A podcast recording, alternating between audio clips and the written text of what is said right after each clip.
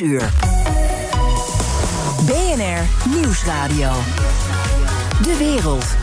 Bernard Hammelburg. Welkom bij het beste binnenlandse programma over het buitenland. Straks Poetin blijft Lukashenko steunen, maar waarom en hoe lang? Dat bespreek ik met Ruslandkenner Hubert Smeets. Maar nu eerst, de Chinezen blijven oprukken in Europa. De haven van Piraeus en Zeebrugge hebben ze al nagenoeg in handen. De terminal in Rotterdam voor meer dan een derde. Maar volgens havendirecteur Allard uh, Kastelein in BNR's de Big Five, hoeven we ons daar niet zo'n zorgen over te maken. Het is niet zo met die plannen die wij nu hebben dat ik voorzie dat China daar ambities zou, zou hebben die ons uh, niet zouden welgevallen of zo. Dat is allemaal moeilijke woorden, maar ik bedoel te zeggen, ik zie daar niet een onmiddellijke bedreiging. Maar je kunt het ook zien als een metafoor voor wat er in Europa gebeurt. Hoe machtig is China? Is dat erg? En wat kunnen we er tegen doen? Ik praat over met Henk Schulte-Noordholt, sinoloog en schrijver van het boek China en de Barbaren. Welkom. Dank je wel. Fijn dat je er weer bent. Uh, we kunnen van alles vinden over China. Hè. Daar gaan we direct uitvoerig over praten. Maar eerst de werkelijkheid van het moment. De Europese Unie en China zijn gigantische handelspartners. Ja. Onderlinge handel bedraagt iets van 1 miljard per dag. Uh, wat halen wij nou uit China en wat halen zij bij ons vandaan? Ja, um, nou, zij halen wij halen meer daar vandaan omgekeerd. Dus de bilaterale handelsbalans is een nadeel van de Europese Unie. En wij halen daar dingen die we traditioneel vandaan haalden: consumentartikelen, schoenen, kleding, aanstekers, speelgoed, ga maar door.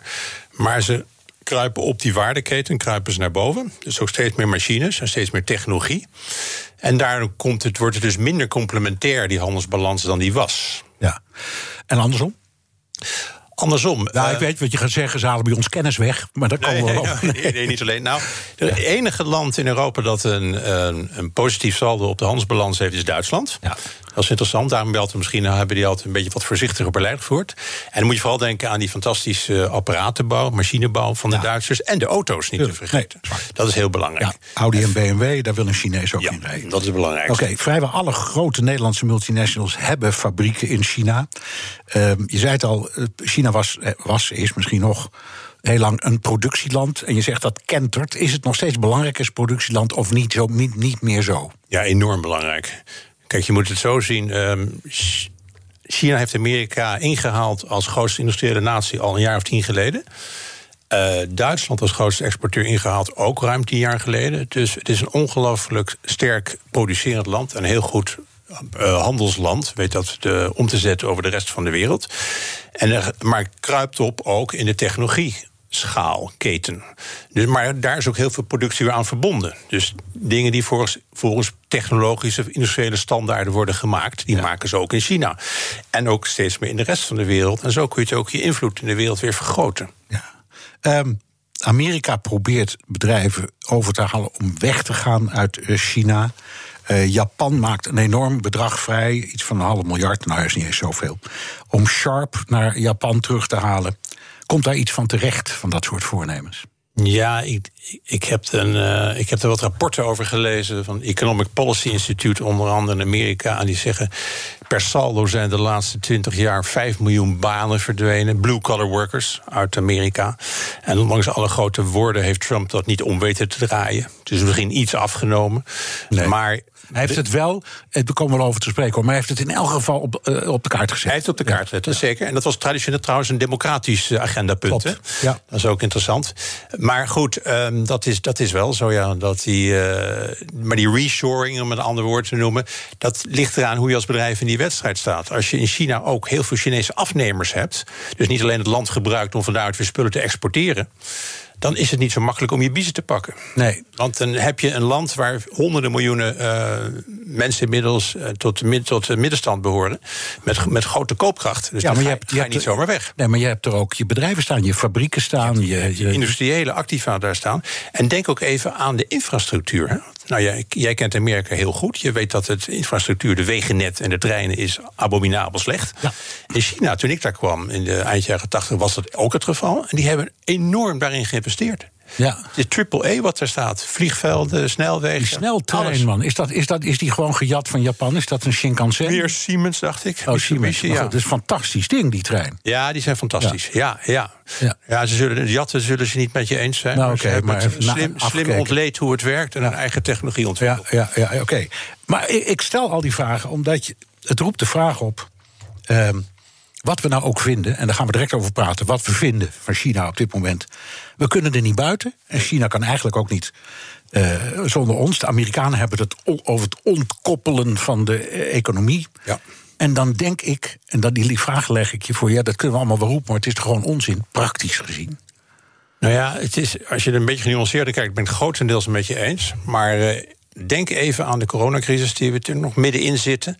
En aan medicijnen, aan beademingsapparatuur, et cetera. Het is ons pijnlijk duidelijk geworden dat dat vrijwel volledig in China wordt gemaakt. Dus dat wij afhankelijk zijn van. 90% van alle Amerikaanse antibiotica komt uit, uit China. Ja, ja. dus dat is een ontkoppeling die ik wel zie gebeuren. Eh, Dat de- kan ook. Dat kan ook. Ja. Ja. dat moet je wel wat extra geld voor over hebben. In de technologiesfeer denk ik ook. Denk aan hè, Huawei, de 5G-generatie.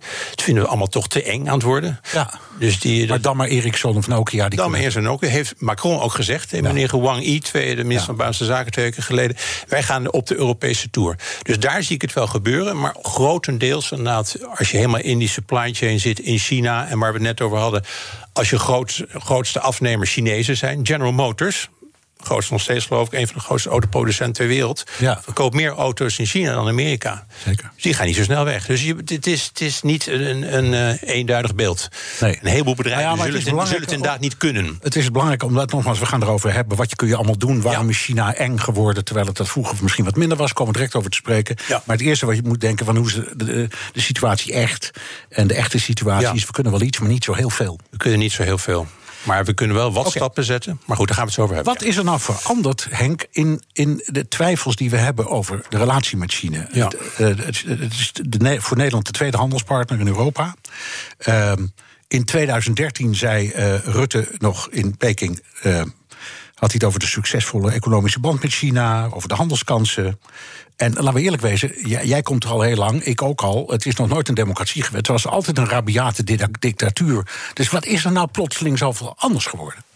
Ja, nou, het is inderdaad altijd een dictatuur geweest, een eenpartijstaat. Maar wel met een wat menselijker gezicht, als ik het zo mag noemen. Eh, Nou, dat vind ik na, de- tijd- na, nee, maar na de dood van Mao, wat ik Ik zeg. zeggen, na de culturele Toen revolutie was een beetje, Die eerste ja. 25 jaar was afschuwelijk. Dan ben ik Ja. het met je eens. Het was een absoluut dieptepunt. En toen kreeg je Deng Xiaoping. Die zei, nou, we moeten de economie hervormen. We moeten de Chinezen rijk maken. Maar hij zei ook, we moeten aan de top eh, collectief besluit vormen. Want die grote megalomane Ma- leider, die Mao, die heeft ook vreselijke vergissingen begaan.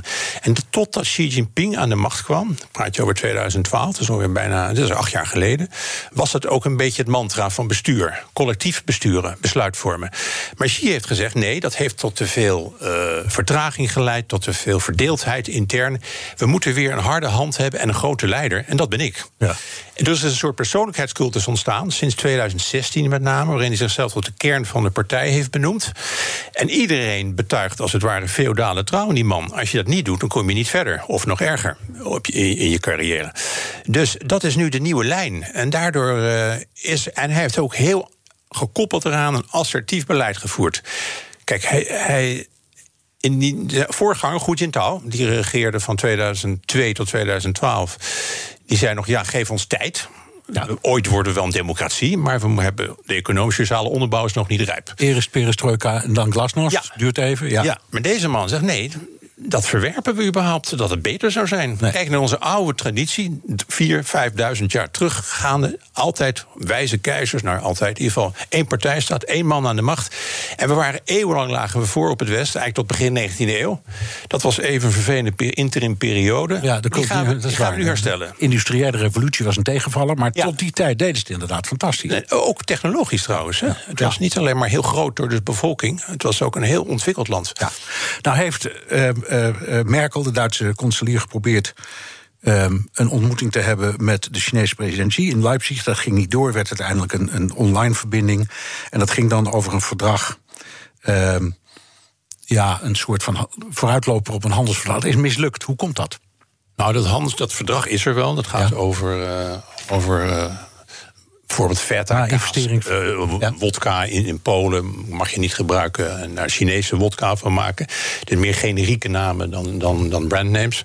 Ja. Eh, maar goed, maar dat is dit- meer een champagne-discussie dan een Ja, echte grote dit- discussie. Precies. Dit, Ja. dit stelt in het to- totale plaatje niet zoveel voor. Wat ik heel opvallend vond in de communiqué door meneer Michel, de, de baas van de, de Raad. De president van Europa, zeg maar. ehm, die zegt nou, die, die, die straalt een heel nieuw zelfbewustzijn uit. Hij zegt: Wij zijn als Europa geen speelveld, maar een speler. Ja. Dat vond ik interessant. En dat handels, dat investeringsakkoord, Foreign Trade Agreement, maar de, dan cover je zowel handel als investeringen mee. Daar moeten we op inzetten. Maar wat ik er niet meer in lees, dat moet dit jaar gebeuren. Ja. Dat betekent dat er wat dingen schuren. Ja. Dingen niet goed gaan. Althans, dat in de voortgang van dat eh, verdrag. Maar ook heel veel tekst over Hongkong, dat het niet acceptabel is. De Oeigoeren natuurlijk, maar ook Tibet wordt er opeens weer bij gehaald. En ze heeft moeten eigenlijk een onderzoeker sturen naar de gebieden om te kijken wat daar gebeurt. Dus, dus, en de Zuid-Chinese zee moeten jullie geen unilaterale stappen meer zetten. En sta nou een onderzoek toe naar de oorsprong van het coronavirus. Heel zelfbewust uitstralen van wij zijn niet een En dat is- speelbal tussen Amerika en China. Wij En zijn en een zelfstandige grote andere- macht. Duidelijk andere toon. Ja. Mijn gast is Henk Schulte-Noordholt, sinoloog en schrijver van het boek China en de barbaren. So when you mention the word decouple, it's, uh, it's an interesting word. So we lose billions of dollars, and if we didn't do business with them, we wouldn't lose billions of dollars. It's called decoupling, so you'll start thinking about it. President Trump suggereert dat hij de Amerikaanse en Chinese economie wil ontkoppelen. We hadden het erover. De Amerikaanse onvrede over China is niet nieuw. Ehm, Reagan in zijn jaren klaagde al over ehm, valuta manipulatie, waardoor ze veel te goedkoop konden exporteren. En eigenlijk zijn al die klachten ook over het handelsakkoord die zijn eh, niet nieuw. Ehm, Trump zet niettemin nu in op een soort volledige confrontatie. Als we daar nou eens naar kijken, de handelsrelatie en de mensenrechten, het hele pakket, levert dit wat op, wat Trump doet? Eh, ja, volgens westerse, eh, westerse optiek niet. Kijk, je noemde Reagan, maar als ik iets minder ver terug mag gaan naar George W. Bush, die in 2000 de verkiezingen won in Amerika en acht jaar president was. In 2001 trad China toe tot de Wereldhandelsorganisatie, dankzij Amerika. Ze stonden dat toe. Ja. Eh, en, en Bush deed de beroemde uitspraak: Trade with them and time is on our side. Daar, da- daarmee bedoelde hij twee dingen. Ten eerste, die, die binnenlandse markt gaat geleidelijk aan open. Eh, voor buitenlandse bedrijven. Komt gelijk speelveld. En dan komt die eeuwenoude droom van die oneindige Chinese markt wordt eindelijk verwezenlijkt. Dat was het eerste wensdenken. Het tweede was dat door die toename van de welvaart ook in China zelf gaan de politieke hervormingen plaatsvinden. Nou, we hadden het over Xi Jinping, die heeft totaal een andere koers ingeslagen. Maar het land is inmiddels wel heel erg rijk geworden. Maar zo dat democratisch was, is nog minder dan dat. Dus het is volledig anders gelopen dan de Amerikanen hadden gehoopt. En daar komt bij nu, wat in die tijd nog helemaal niet speelde, dat China zich ook dus als een enorm technologische superpower gaat ontwikkelen. En door de Amerikanen niet alleen als een concurrent wordt gezien, maar bijna als een existentiële Een bedreiging. bedreiging, precies. Dat is inderdaad wel nieuw, want dat, was, nieuw. dat is was vroeger niet. Nee. We hadden hier, eh, eh, je hebt het ongetwijfeld gehoord, eh, een paar keer in de uitzending Nout Welling, oud-president van de Nederlandse Bank. Die heeft, houdt er andere ideeën op na. Die heeft ook hele goede relaties daar in, in China. Die werkt voor de werelds, of die is verbonden aan de werelds grootste bank. Die zit daar. En hij zegt: het, is, het, klopt niet. Ze, ze zijn op, op economisch gebied wel degelijk bezig om westerse bedrijven tegemoet te komen. Dat duurt allemaal. Ehm, maar dit frame wat wij doen is ook wel een, een, een soort van bewijs van ons eigen ongeduld. Het gaat helemaal niet zo slecht. Nou ja, ongeduld in de zin, als wat ik net met Bush zei, dat, die, die, dat wensdenken, die droom is niet uitgekomen. Dat ze dicht naar ons toe. Nee, maar überhaupt, het, laten we zeggen, wij zijn nu, we we noemen nu dingen die, die, waar wij ons aan storen in China. En hij zegt het valt reuze mee en ze proberen er wel degelijk iets aan te doen. Nou, wat ik, wat ik moet, wel moet zeggen is dat onder Xi Jinping... ehm, dat het technocratischer eh, samenleving is geworden. Dat de wetten beter worden uitgevoerd. ehm, dat er administratief veel verbeterd is. Kijk, je kan nu binnen een week krijg je vergunningen om bedrijven op te richten. Vroeger kon dat maanden duren. Dus die hele eh, technocratische aanpak van de samenleving is beter. Maar dat is op basis van het beginsel. Dat is belangrijk om te ver- vermelden hier. Wat ze in China noemen IFA Jurguo. Dat betekent met gebruik maken van het recht van de wet het land besturen. Dan denken wij bij. In het Engels kun je goed uh, het verschil horen. The rule of law. Niet de rule of law, dat denken wij Ja. Met de rule by law. By law, dat is iets heel En dat anders, is ook ja. hele oude, grijpt terug op een hele oude Chinese traditie van het legalisme. Dat is hard te ver voor om hierover uit te wijden. Maar dat je de wet gebruikt en Ja. de schone. eh, eh, eh, competente ambtenaar om het land op een hoger plan te brengen. Maar uiteindelijk, wie is de arbiter over die wet? En over die rechtspraak, dat is nog steeds die communistische partij. Dat is ook heel duidelijk vastgelegd. In een speciaal congres dat ze aan de, aan de wetgeving, aan de rechtspraak hebben gewijd in 2014. Zegt nou, uiteindelijk mag aan de positie van de partij niet worden getornd. Dus er zijn altijd mensen die daar boven de wet staan. Ja, ik snap het. Ik snap het nu ook duidelijker door dat ene voorzetsel dat je verandert. Ja. ja. Ja. Ehm, je zei net al, je noemde een heleboel dingen waar we China op aanspreken, kunnen aanspreken. De, de, de grondwet of de wetswijziging in Hongkong, de kamp in Xinjiang, Tibet, Taiwan, noem het allemaal maar op. Ik, dat zijn geen van alle dingen die niet al speelden.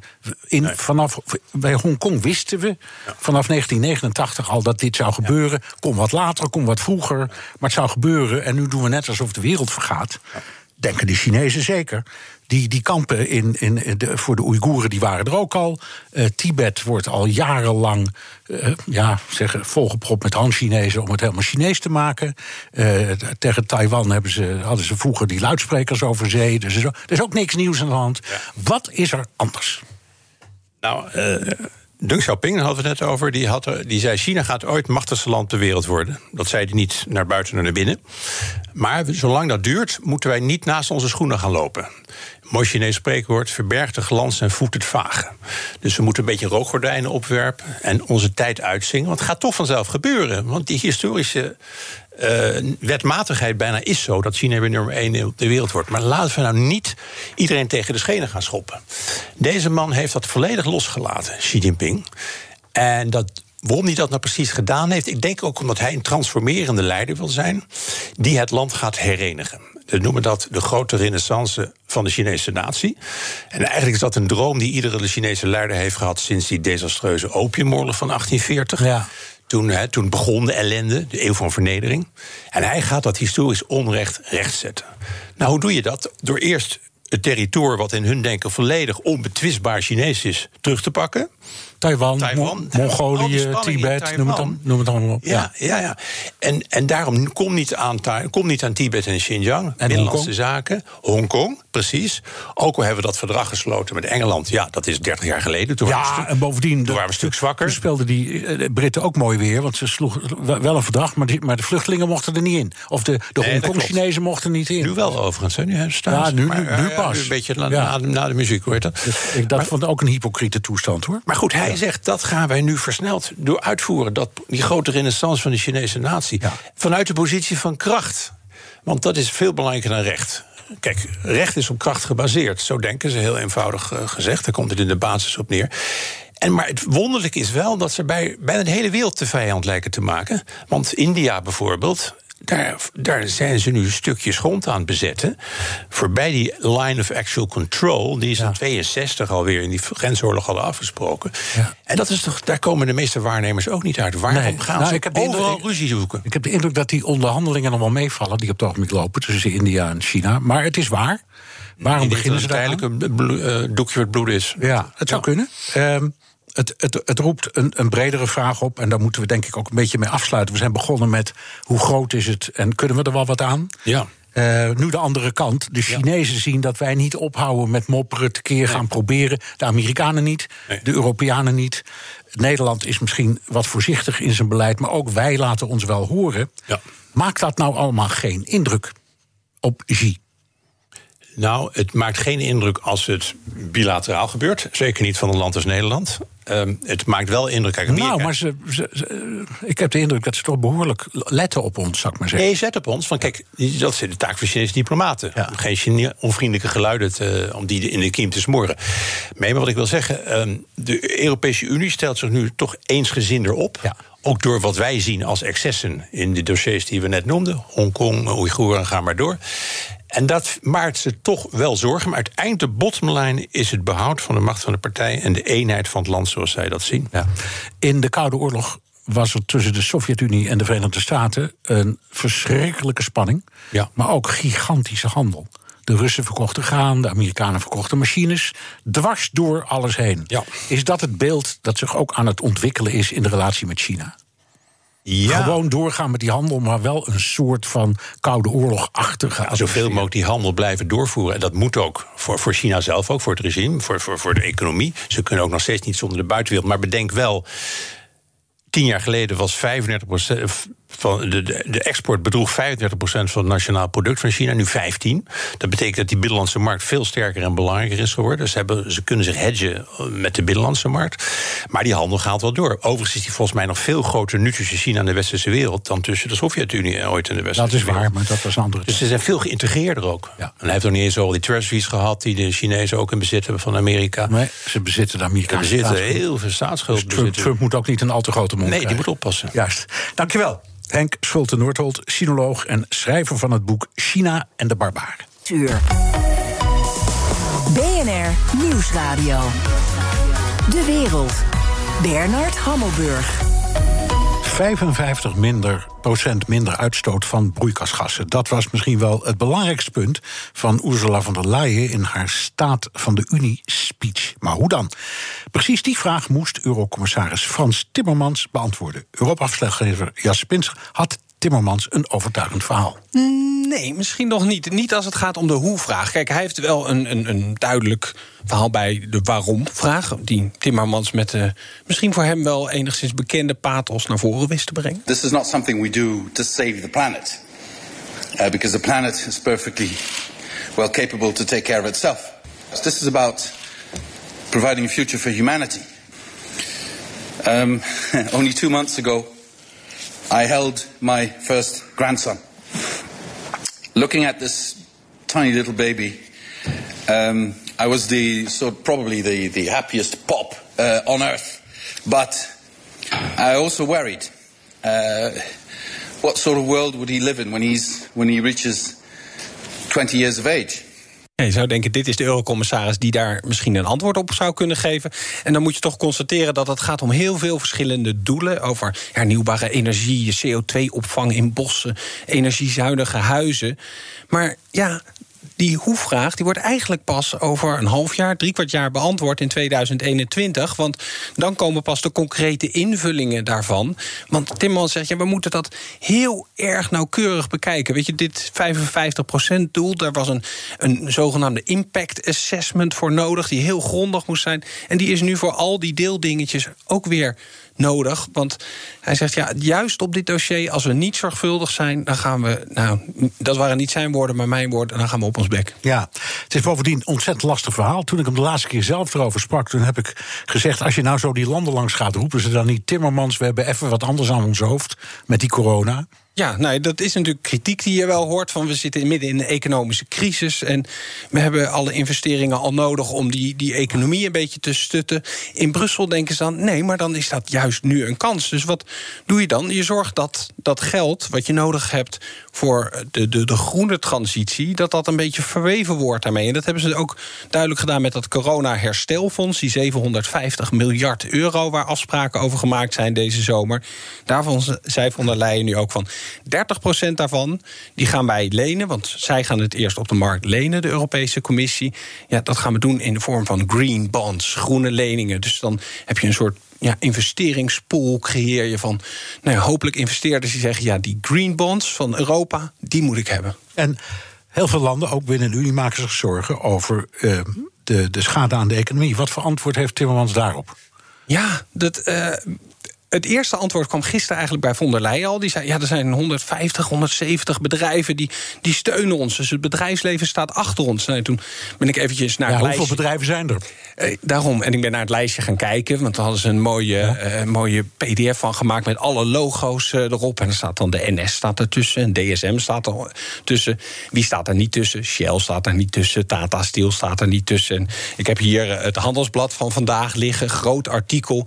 Kritiek vanuit de Duitse industrie op de plannen die er zijn. Dus daar voel je al dat die, die, die skepsis een beetje daar aan het komen is. En waar maken ze zich dan ook grote zorgen over? Wat doet het met onze concurrentiepositie als Europese bedrijven moeten gaan concurreren met Chinese, Amerikaanse bedrijven die niet al die strenge regeltjes over het klimaat krijgen? Ja. Nou, hebben ze daar wel aan gedacht natuurlijk. Moet allemaal nog uitgewerkt worden. Een belangrijk element daarin is die CO2-grensbelasting. Dus je zorgt gewoon dat die Chinese producten die binnenkomen... een extra belasting krijgen. Die zullen dan duurder worden, maar dan kan je wel weer gaan concurreren. Ik denk ook, het is wel een zaadje planten voor een eventuele handelsoorlog. Precies. En uh, de vraag die ik jou ongeveer elke week in een of andere vorm stel: het kan alleen maar als de EU het samen doet. Ja, en dat is natuurlijk de, de, de volgende stap die gezet moet worden. Dat het uiteindelijk de lidstaten daar weer akkoord mee moeten gaan. Nu ligt die assessment van Timmermans daar en die zegt het kan gewoon allemaal. Maar ja, of ze het dan ook willen gaan doen, ja, dat zullen we pas zien in 2021 als die concrete invulling er komt. En dan komen die onderhandelingen. Dan krijg je vervolgens moeten alle landen nationale plannen gaan maken hoe ze al die doelen die gesteld worden, hoe ze die weer gaan behalen. Ja, en dat is toch eigenlijk waar de, de, de Europese klimaatoorlog echt gaat plaatsvinden, denk ik, als het ingevuld moet worden. Dankjewel. Europa-verslaggever Jesse Pinsen. Wil je meer horen over het spel in Brussel? Luister dan naar de podcast Europa Mania van BNR en het FD. De Joe en Donald Show voor het laatste nieuws over de Amerikaanse verkiezingen met onze correspondent in Washington, Jan Posma. Jan, Trump houdt weer ouderwetse campagne-rallies, maar die zijn lang niet allemaal meer op de televisie. Nee, ze worden veel minder uitgezonden. En dat is wel een duidelijk verschil met 2016. Toen kreeg Trump heel veel gratis zendtijd. Hè, met die speeches die allemaal live op televisie kwamen op alle zenders. Want daar keek iedereen naar. En nu is dat wel een stuk minder. Uh, afgelopen zondag bijvoorbeeld was dat heel duidelijk. Trump hield een eh, bijeenkomst in Henderson, Nevada. En niemand zond het uit. Zelfs Fox News is niet. Uh, en, en nieuwszenders die, ja, die zijn altijd een beetje ja, voorzichtig met wat dan de redenen zijn. Maar wat zeker in die overweging meegespeeld gespeeld zal hebben, is dat dit een rally in een overdekte hal was. Weinig afstand, weinig maskers. Uh, dat is natuurlijk niet het goede voorbeeld. En ook voor de tv-crews gevaarlijk. Die stonden allemaal uh, van buiten de hal uh, de, de, boel te bekijken voor hun eigen gezondheid. En alleen de presspool, echt die mensen die met Trump meereizen en altijd in de buurt van de president zijn, die waren in, in de zaal. Ja. Ik moet nog wel zeggen, Trump deed nog wel mee aan een town hall. Daar keken dan nog wel 3,8 miljoen mensen naar. Dus dat was nog wel een beetje scoren. Ja, nou, dat is meer dan het gemiddelde van Fox News op een door, door de weekse dag. Valt nog mee dus. Oké, okay. ja. uh, Biden uh, die, die, die doet de campagne vooral voorzichtig. Ja, dat blijft ook zo. Die, die, houdt zijn evenementen nog steeds klein, weinig publiek erbij. Uh, allemaal vanwege corona natuurlijk, vanwege die veiligheid. Uh, hij probeerde deze week de Latino-stemmer uh, te pakken. Daarvoor was hij voor het eerst deze campagne in Florida, belangrijke swing state natuurlijk. En Biden probeerde daar ook nog even hip te doen met de zomerhit van een paar jaar geleden, Despacito. En voordat hij aan zijn speech begon, pakte hij zijn telefoon en liet hij dat even horen. Maar dat werd een beetje een pijnlijk momentje. I just have one thing to say. Hang on here. All right.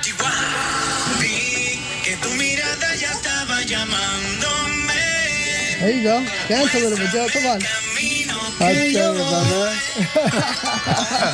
Nou ja, dan moet je je voorstellen, bijna staat er toch voor een stille zaal. Je hoort niemand bijna lachen. Uh, hij stond echt met een glunderend gezicht. En je hoort toch nog even zoeken van waar was dat liedje ook alweer. Dus hij wilde even die Latin-kant van hem laten zien. Een beetje heupwiegen erbij. Maar het was toch net even te hard geprobeerd. Ja, je hebt hier al drie lachers. Uh, uh, Marcel, nou, goed, dat meer in de zaal. Ja. Trump en Biden hebben allebei hun steun van grote geldschieters erbij gekregen. Dat is altijd heel belangrijk, hè? Ja, precies. En we hadden het er in uh, onze Amerika-podcast al even over gehad... Hè, dat Michael Bloomberg 100 miljoen dollar doneert uh, aan de Biden-campagne. Die kan helemaal uh, gespendeerd worden in Florida. ik zei al, die belangrijke, want de grootste swing state op 3 november. dus die kunnen allemaal aan spotjes besteed worden. Trump, die heeft ook een miljardair die geld wil doneren. Sheldon Adelson, en dat is die oude casino-magnaat. die doneerde ook flink in 2016. En nu waren er steeds wat berichten dat Trump en Edelson dat die wat ruzie zouden hebben. Dat Edelson niks zou geven. Maar nu toch, uh, dat haalt hij eventjes het kleingeld uit uh, de, de, de krochten van de bank, denk ik. 20 tot 50 miljoen wil hij uitgeven. En dan zijn ze nu aan het overleggen waar dat dan moet gebeuren. En het blijkt dan wel een beetje, die miljardairs die komen ook nu uh, een beetje uit hun holletjes. En die beginnen dus ook met geld te. Ja. Die beginnen ook een beetje zenuwachtig te worden. Elke keer denk ik, Jan, we zitten in het verkeerde vak. Maar goed. In, ja, hey, dat moet een casino beginnen. Ja, in aanloop naar de verkiezingen wordt er ook met grote interesse naar uh, Saturday Night Live gekeken. Dat is het oudste satirische televisieprogramma in de wereld, geloof ik. En dan, wie gaat Joe Biden spelen? Ja, en dat wordt Jim Carrey. En daar was ik toch wel verbaasd over. Wel grappig om te horen. Grote naam natuurlijk. En ik ben wel heel benieuwd hoor. Want ik kan me daar niks bij voorstellen. Uh, hoe de, de, de bewegelijke, uh, snelle Jim Carrey. hoe die dan Joe Biden gaat spelen. Maar we gaan het zien. En we gaan dus heel wat sketches zien de komende tijd. met Alec Baldwin als Trump. Die deed dat al. En Jim Carrey aan de andere kant. Nou, we weten dat Trump. die vond Baldwin helemaal niks. En ik ben heel benieuwd wat Biden nu van Jim Carrey gaat vinden. Ja, Leuk. Dankjewel, Jan Postma, onze correspondent in Washington.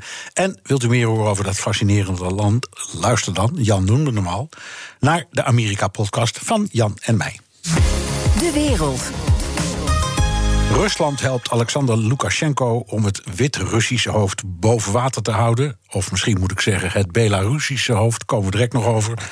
Maar niet van harte. Putin gave Lukashenko a 1.5 billion dollar loan and said that Russia would continue to work with Belarus on defense cooperation. Lukashenko krijgt financiële steun. Er komen gezamenlijke militaire trainingen met Rusland.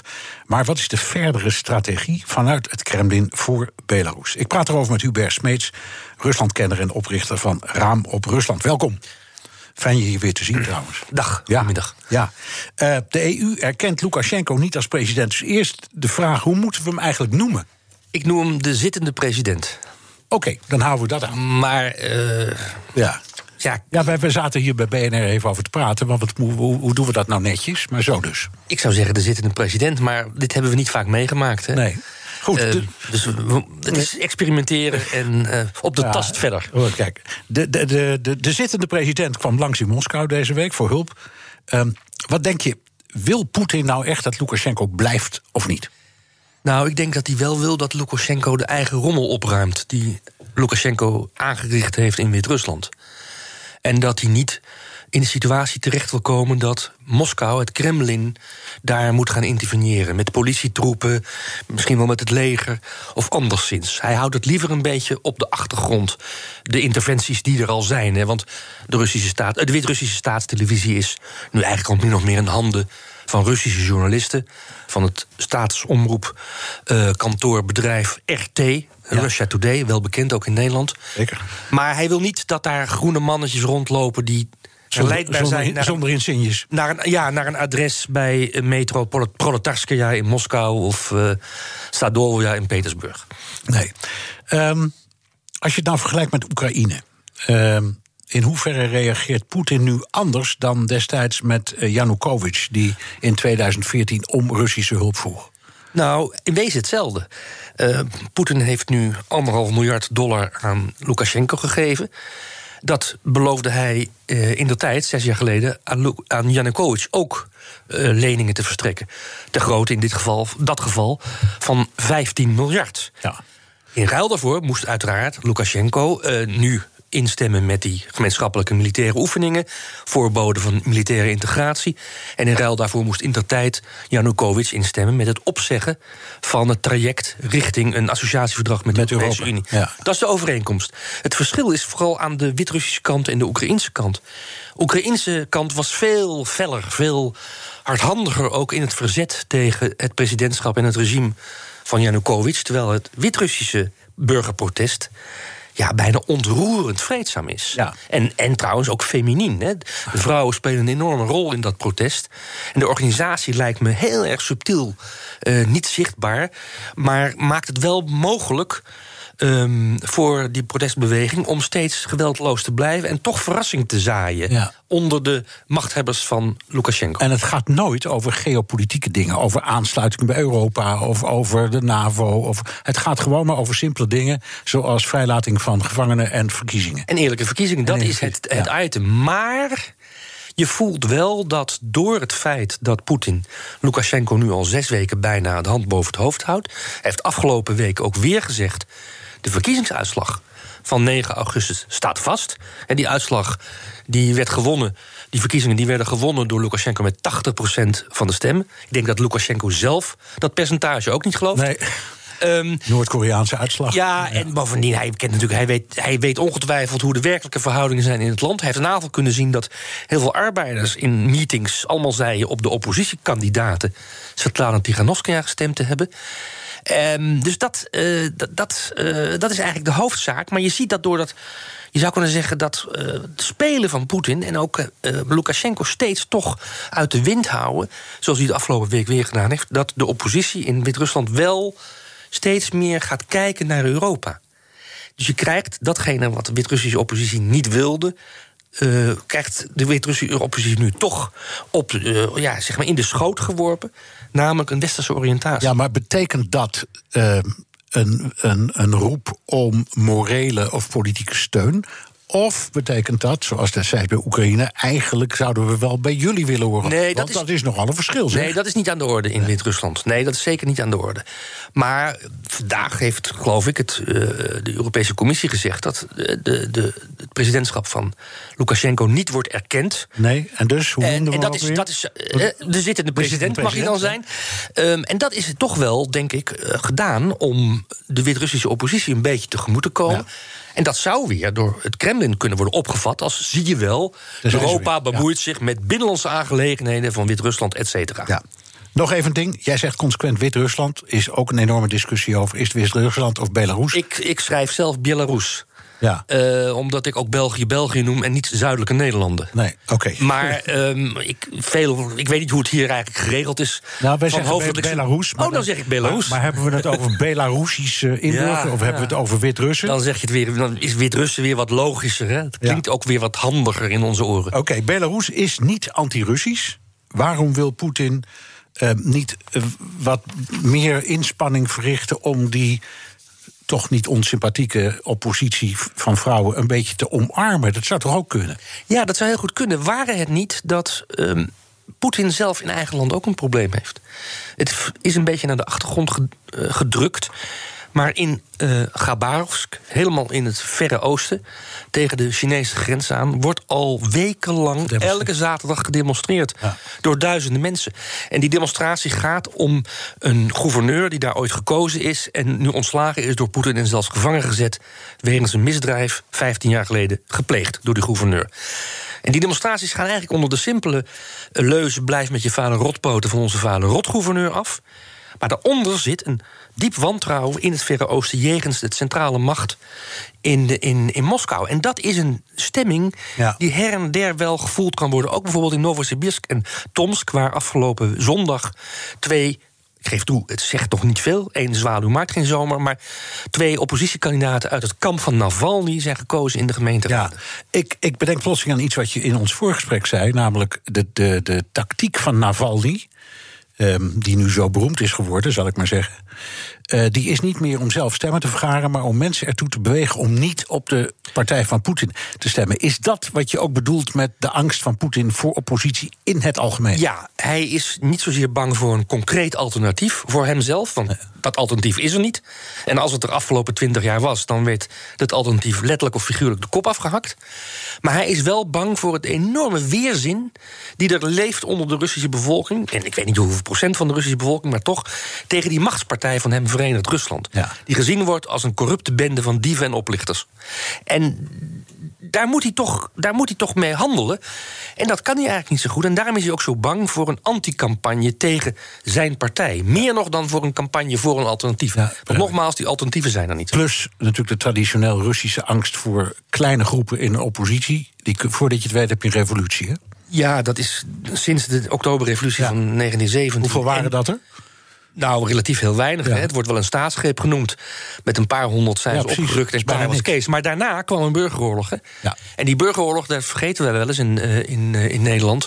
Maar die heeft tot op de dag van vandaag eigenlijk effect in dat land. De angst voor burgeroorlog uh, beheerst de politiek nu eigenlijk al 100 jaar. Ja. Meer dan in Amerika. Ja, en, en dat maakt het begrip voor een Russische leider en zijn angst voor welke oppositie dan ook toch iets begrijpelijker. Ja, en de tweede reden waarom men bang daarvoor is voor die versnippering van het land, komt omdat het land zo krankzinnig groot is. Dus het idee dat je lokale gemeenschappen hebt, wordt in Rusland al heel snel verbonden met het idee dat het land uit elkaar valt. Ja. En als Rusland uit elkaar valt, dan komen de Chinezen, dan komen de Duitsers, dan komen de Amerikanen, dan komen alle barbaren het Russische volk overrompelen. Ja. Dat is een beetje het beeld. Sprekend over Navalny en Duitsland. Het lijkt erop dat Duitsland de vergiftiging van Navalny nu gebruikt om een eind te maken aan de Oostpolitiek. En een hardere lijn kiest tegenover Rusland. Angela Merkel die was van de lijn van Willy Brandt. Je moet het altijd proberen, maar er zijn veel dingen gebeurd. Georgië is gebeurd, de Krim is gebeurd, Oekraïne is gebeurd, nu weer Wit-Rusland. Zie jij dat zij een eind aan het draaien is aan dat Duitse standpunt? Het uit- Duitse idee was altijd handel, eh, eh, door handel toenadering. Ja. Dat was de, de leuze. Maar dat was 1971, geloof ik, hè? Ook al, en dat bleef de leuze ook onder Kool na de val van de muur en onder Merkel de afgelopen eh, tien jaar. Ze wekte de indruk dat voor haar, in haar laatste jaar misschien als kans- kanselier, de morele vraag, de normatieve kwestie, hoe gaan wij om met een land als Rusland in onze eigen Europese omgeving, in onze eigen Europese ruimte, heel belangrijk is geworden. Of dat alleen met Navalny te maken heeft, dat dreigement bijvoorbeeld van Kool, eh, van Kool, eh, van Angela Merkel om Nord Stream 2, die gaspijplijn, Daar moeten we het over hebben. om die, om die toch te stoppen. Nou, kun je zeggen, misschien was Navalny even een aanleiding, maar geen, geen, geen, geen oorzaak van haar denkproces. Nord Stream 2, inderdaad. Er gaan nu voor het eerst stemmen op, ook van haar, die zeggen: Nou, misschien moeten we daar gewoon maar van afzien. Dat is nogal wat, zeg. Dat is ongelooflijk. Dat betekent dat daarmee, eerlijk gezegd, die hele eh, benadering van Willy Brandt tot nu toe, eh, door handel toenadering, dat die wordt afgebroken. Dat betekent bovendien dat er een ongelooflijke rekensom moet worden gemaakt. En dat iemand het moet gaan betalen. Ja, er En- zit, en zit zal- inmiddels 10 miljard in, of daaromtrent. Ja, en dat, de, en Ja. dan heb je een conflict met de Koninklijke Olie Shell die erin zit, met allerhande grote Duitse concerns. En uiteraard met de Russische regering die dat niet zal pikken. En Gazprom. En Gazprom, Dat het grootste ge- energiebedrijf ter wereld. Wel slecht geleid, dus niet zo rendabel, maar qua omvang enorm groot. Dus dat risico wil ze kennelijk nemen. Mijn hypothese is, ik kan niet naar haar hoofd kijken, dat dat meer te maken heeft met Belarus dan met Navalny. Ja. En dat ze op die manier, door dat aan de orde te stellen, het stoppen misschien van die gaspijplijn tussen pakweg Sint-Petersburg en, eh, en Noordoost-Duitsland, dat ze door dat dreigement wil duidelijk maken aan Poetin in Belarus niet de grens overgaan. Hè? Nee. Hou de zaak onder controle, oké. maar ga niet de Europese orde, zoals die is afgesproken na de val van Niet doen wat je in Georgië hebt gedaan. Niet doen wat je in Oekraïne hebt gedaan. Dat zou kunnen. En dat lijkt mij ook een hele logische strategie van uit de optiek van Berlijn. Ja, want als je zegt ze willen het gas wel hebben, maar ze willen Duitsland duidelijk, of ze willen Rusland duidelijk afremmen, is het een middel. Is het zeker een middel, omdat hoe- Rusland het gas ook kwijt moet. Laten Ja, we eerlijk zijn. Het is niet alleen dat Duitsland het wil, maar Rusland draait op het gas en de olie-export en de grondstoffen uitvoer in het algemeen aan Europa. Duitsland is de tweede handelspartner van Rusland. En Rusland heeft met Duitsland een positieve handelsbalans. Dus als Merkel gaat zeggen, daar stoppen we mee met Gazprom 2, dan wordt die positieve handelsbalans voor Rusland ineens misschien wel negatief. Even voor duidelijk, we hebben het altijd over Gazprom, eh, of over eh, Nord Stream 2. Het is een parallellijn die loopt aan Langs Nord Stream 1. Nou, die is er al. Die is er al. en ja. Dus die gaan ze niet weghalen. Nee, maar goed, dat, die, dat, dat eerste lijntje... dat was al een, een slag voor met name Polen en Belarus. Ja. Want voordien En de Baltische staten, die woest waren. Die woest waren, omdat die allemaal ook hun gaspijpleidingen hadden... eh, van oost naar west. En dan mag je tol heffen, tarieven innen.